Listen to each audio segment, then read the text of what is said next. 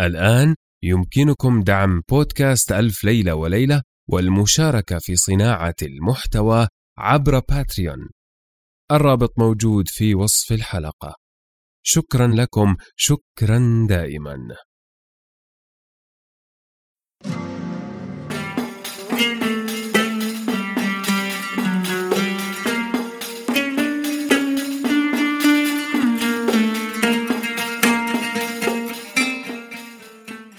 يا مكان في قديم الزمان وسالف العصر والأوان ملك يدعى شهريار يحب الاستماع إلى قصص الإنس والجان. وكانت جاريته شهرزاد تقص عليه في كل ليلة قصة. هذا بودكاست ألف ليلة وليلة الموسم الثاني. هذه قصص ألف ليلة وليلة.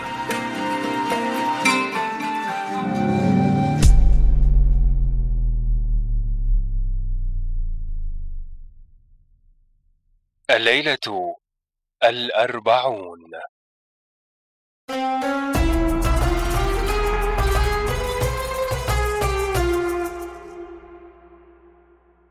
حكاية التاجر أيوب وابنه غانم. وابنته فتنة.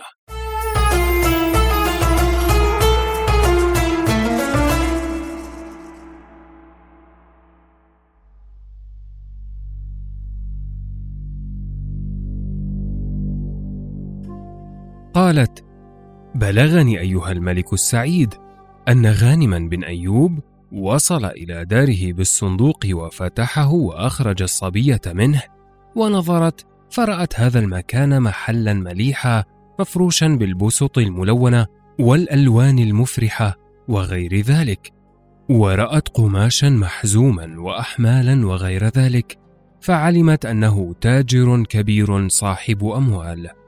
ثم إنها كشفت وجهها ونظرت إليه فإذا هو شاب مليح.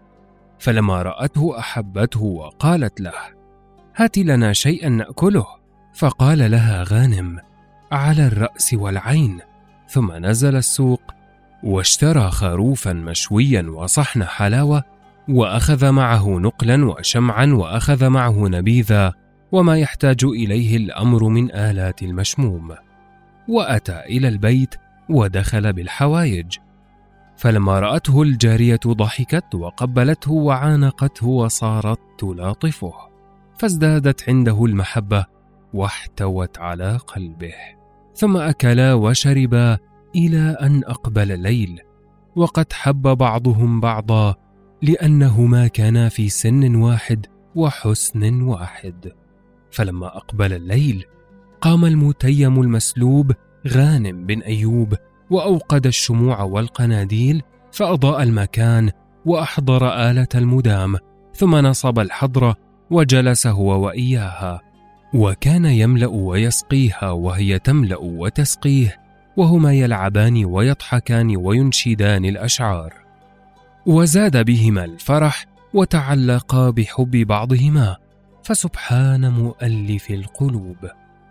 ولم يزلا كذلك إلى قريب الصبح فغلب عليهم النوم فنام كل منهما في موضعه إلى أن أصبح الصباح.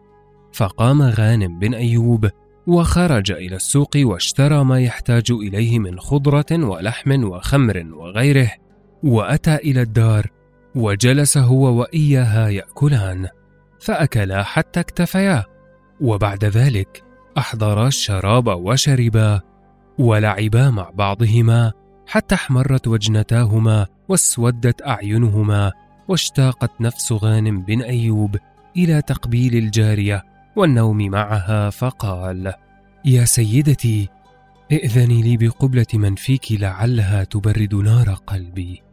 فقالت يا غانم اصبر حتى أسكر وأغيب وأسمح لك سرا بحيث لم أشعر أنك قبلتني. فقال يا سيدتي أما تسمحين لي بما طلبته منك؟ فقالت والله لا يصح لك ذلك. لأنه مكتوب على دكة لباسي قول صعب فانكسر خاطر غانم بن أيوب وزاد عنده الغرام لما عز المطلوب فأنشد هذه الأبيات. سألت من أمرضني في قبلة تشفي السقم فقال لا لا أبدا. قلت له نعم نعم.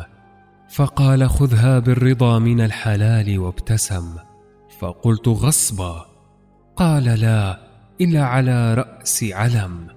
فلا تسل عما جرى واستغفر الله ونم. فاضمن بما شئت بنا. فالحب يحلو بالتهم. ولا أبالي بعد ذا إن باح يوما أو كتم. ثم زادت محبته وانطلقت النيران في مهجته.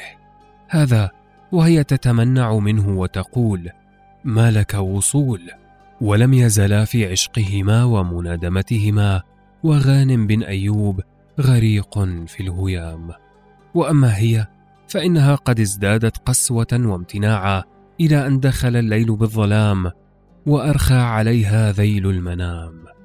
فنام غانم وأشعل القناديل وأوقد الشموع وزاد بهجة المقام وقال يا سيدتي ارحمي أسير هواك ومن قتلت عيناك كنت سليم القلب لولاك ثم بكى قليلا.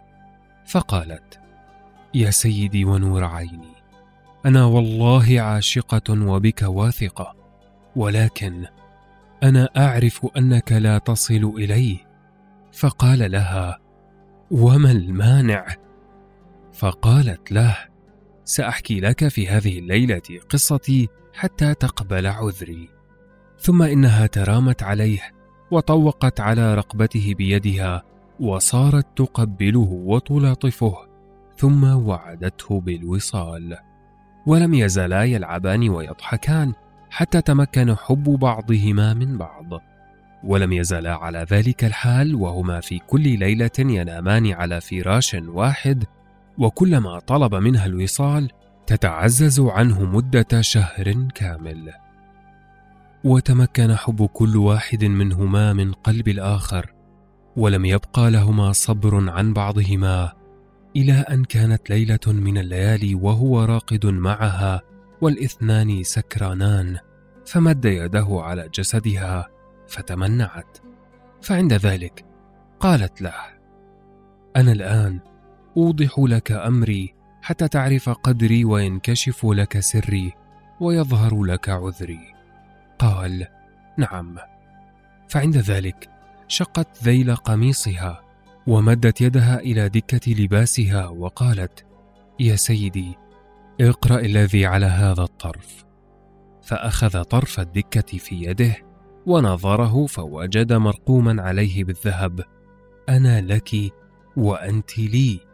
فلما قرأه نثر يده وقال لها اكشفي لي عن خبرك. قالت نعم. اعلم أنني محظية أمير المؤمنين واسمي قوت القلوب وأن أمير المؤمنين لما رباني في قصره وكبرت نظر إلى صفاتي وما أعطاني ربي من الحسن والجمال فأحبني محبة زائدة وأخذني وأسكنني في مقصورة وأمر لي بعشر جواري يخدمونني ثم إنه أعطاني ذلك المصاغ الذي تراه معي. ثم إن الخليفة سافر يوما من الأيام إلى بعض البلاد فجاءت السيدة زبيدة إلى بعض الجوار التي في خدمتي وقالت إذا نامت سيدتك قوت القلوب فحطي قطعة البنج هذه في أنفها أو في شرابها ولك علي من المال ما يكفيك. فقالت لها الجارية حبا وكرامة. ثم إن الجارية أخذت البنج منها وهي فرحانة لأجل المال ولكونها كانت في الأصل جاريتها.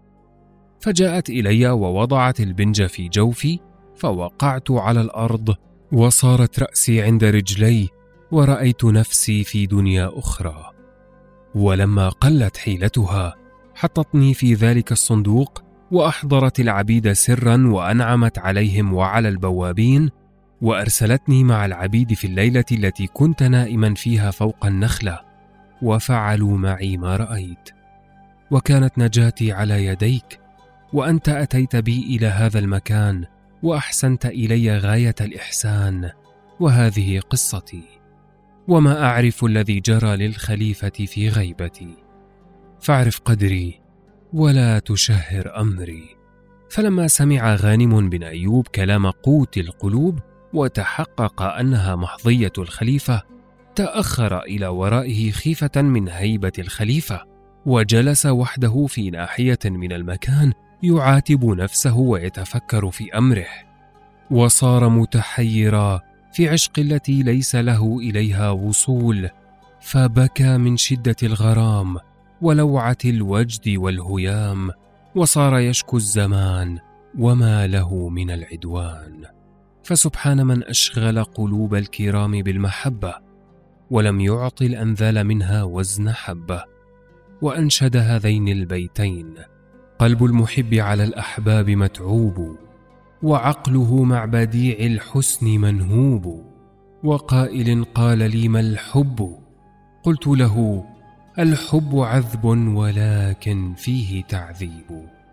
فعند ذلك قامت إليه قوت القلوب واحتضنته وقبلته وتمكن حبه في قلبها وباحت له بسرها وما عندها من المحبة وطوقت على رقبته بيدها وقبلته وهو يتمنع عنها خوفا من الخليفة. ثم تحدثا ساعة من الزمان وهما غريقان في بحر محبة بعضهما إلى أن طلع النهار. فقام غانم ولبس أثوابه وخرج إلى السوق على عادته وأخذ ما يحتاج إليه الأمر وجاء إلى البيت. فوجد قوت القلوب تبكي. فلما رأته سكتت عن البكاء وتبسمت وقالت له أوحشتني يا محبوب قلبي. والله إن هذه الساعة التي غبتها عني كسنة. فإني لا أقدر على فراقك وها أنا. قد بينت لك حالي من شدة ولعي بك فقم بنا الآن ودع ما كان.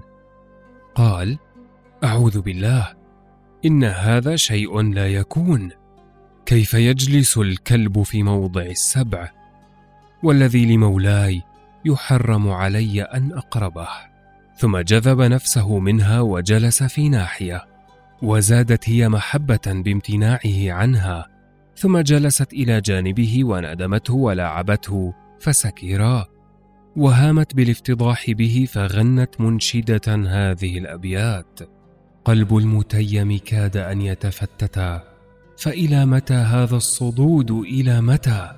يا معرضا عني بغير جناية فعوائد الغزلان أن تتلفتا. صد وهجر زائد وصبابة ما كل هذا الأمر يحمله الفتى. فبكى غانم بن أيوب وبكت هي لبكائه ولم يزالا يشربان إلى الليل ثم قام غانم وفرش فراشين كل فراش في مكان وحده. فقالت له قوت القلوب لمن هذا الفراش الثاني؟ فقال لها هذا لي والآخر لك. ومن الليلة لا ننام إلا على هذا النمط وكل شيء للسيد حرام على العبد. فانطلقت النار في قلبها وزاد غرامها فيه وقالت والله ما ننام إلا سوية. فقال معاذ الله. وغلب عليها ونام وحده إلى الصباح. فزاد بها العشق والغرام واشتد بها الوجد والهيام واقاما على ذلك ثلاثة أشهر طوال وهي كلما تقرب منه يمتنع عنها ويقول كل ما هو مخصوص بالسيد حرام على العبد. فلما طال بها المطال مع غانم بن أيوب المتيم المسلوب وزادت بها الشجون والكروب أنشدت هذه الأبيات بديع الحسن كم هذا التجني؟ ومن أغراك بالإعراض عني. حويت من الرشاقة كل معنى وحست من الملاحة كل فني وأجريت الغرام لكل قلب ووكلت السهاد بكل جفن. وأعرف قبلك الأغصان تجنى فيا غصن الأراك أراك تجني. وعهدي بالظبا صيدا فمالي أراك تصيد أرباب المجني. وأعجب ما أحدث عنك أني فتنت وأنت لم تعلم بأني فلا تسمح بوصلك لي فإني أغار عليك منك فكيف مني؟ ولست بقائل ما دمت حيا بديع الحسن كم هذا التجني؟ وأقاموا على هذا الحال مدة والخوف يمنع غانما عنها. فهذا ما كان من أمر المتيم المسلوب غانم بن أيوب. وأما ما كان من أمر زبيدة فإنها في غيبة الخليفة فعلت بقوت القلوب ذلك الأمر ثم صارت متحيرة تقول في نفسها ماذا أقول للخليفة إذا جاء وسأل عنها؟ وما يكون جوابي له؟ فدعت بعجوز كانت عندها وأطلعتها على سرها وقالت لها كيف أفعل وقوت القلوب قد فرط فيها الفرط؟ فقالت لها العجوز لما فهمت الحال اعلمي يا سيدتي أنه قرب مجيء الخليفة ولكن أرسلي أي نجار وأمريه أن يعمل صورة ميت من خشب ويحفر له قبرا وتوقد حوله الشموع والقناديل وأمري كل من في القصر أن يلبسوا الأسود. وامري جواريك والخدام إذا علموا أن الخليفة أتى من سفره أن يشيعوا الحزن في الدهاليز فإذا دخل وسأل عن الخبر يقولون له أن قوت القلوب ماتت ويعظم الله أجرك فيها ومن معزتها عند سيدتنا دفنتها في قصرها.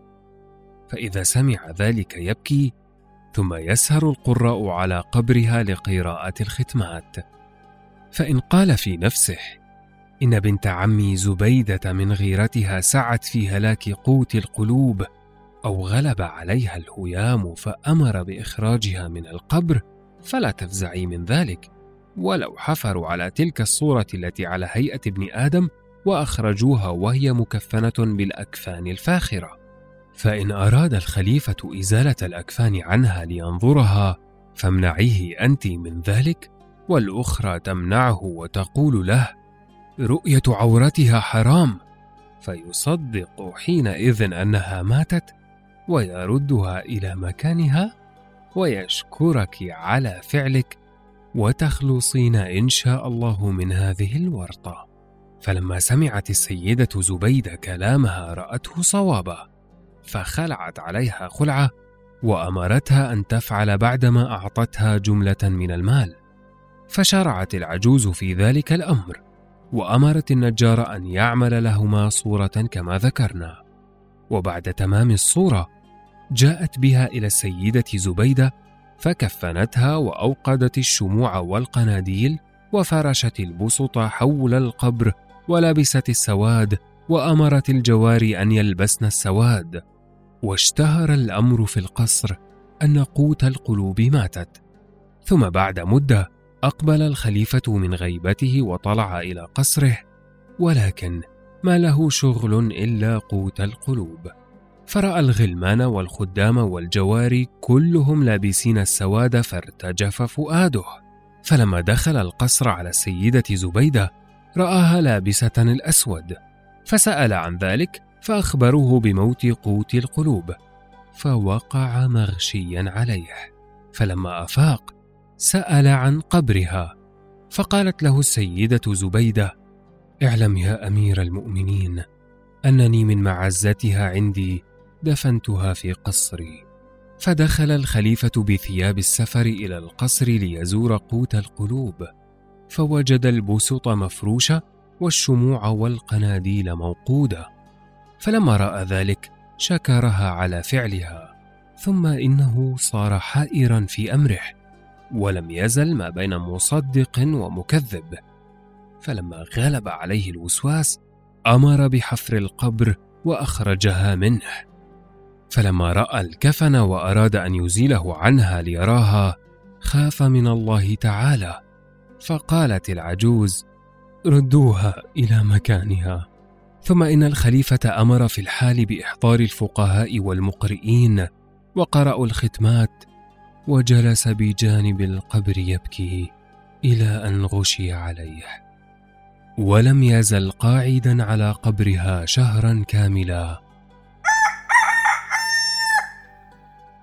وأدرك شهرزاد الصباح فسكتت عن الكلام المباح.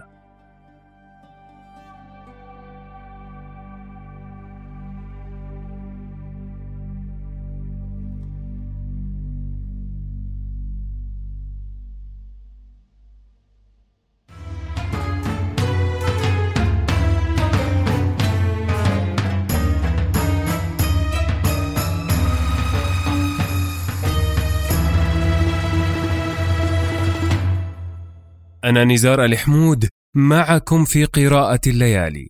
لا تنسوا مشاركة الليالي مع من تظنون أنهم سيحبون ذلك.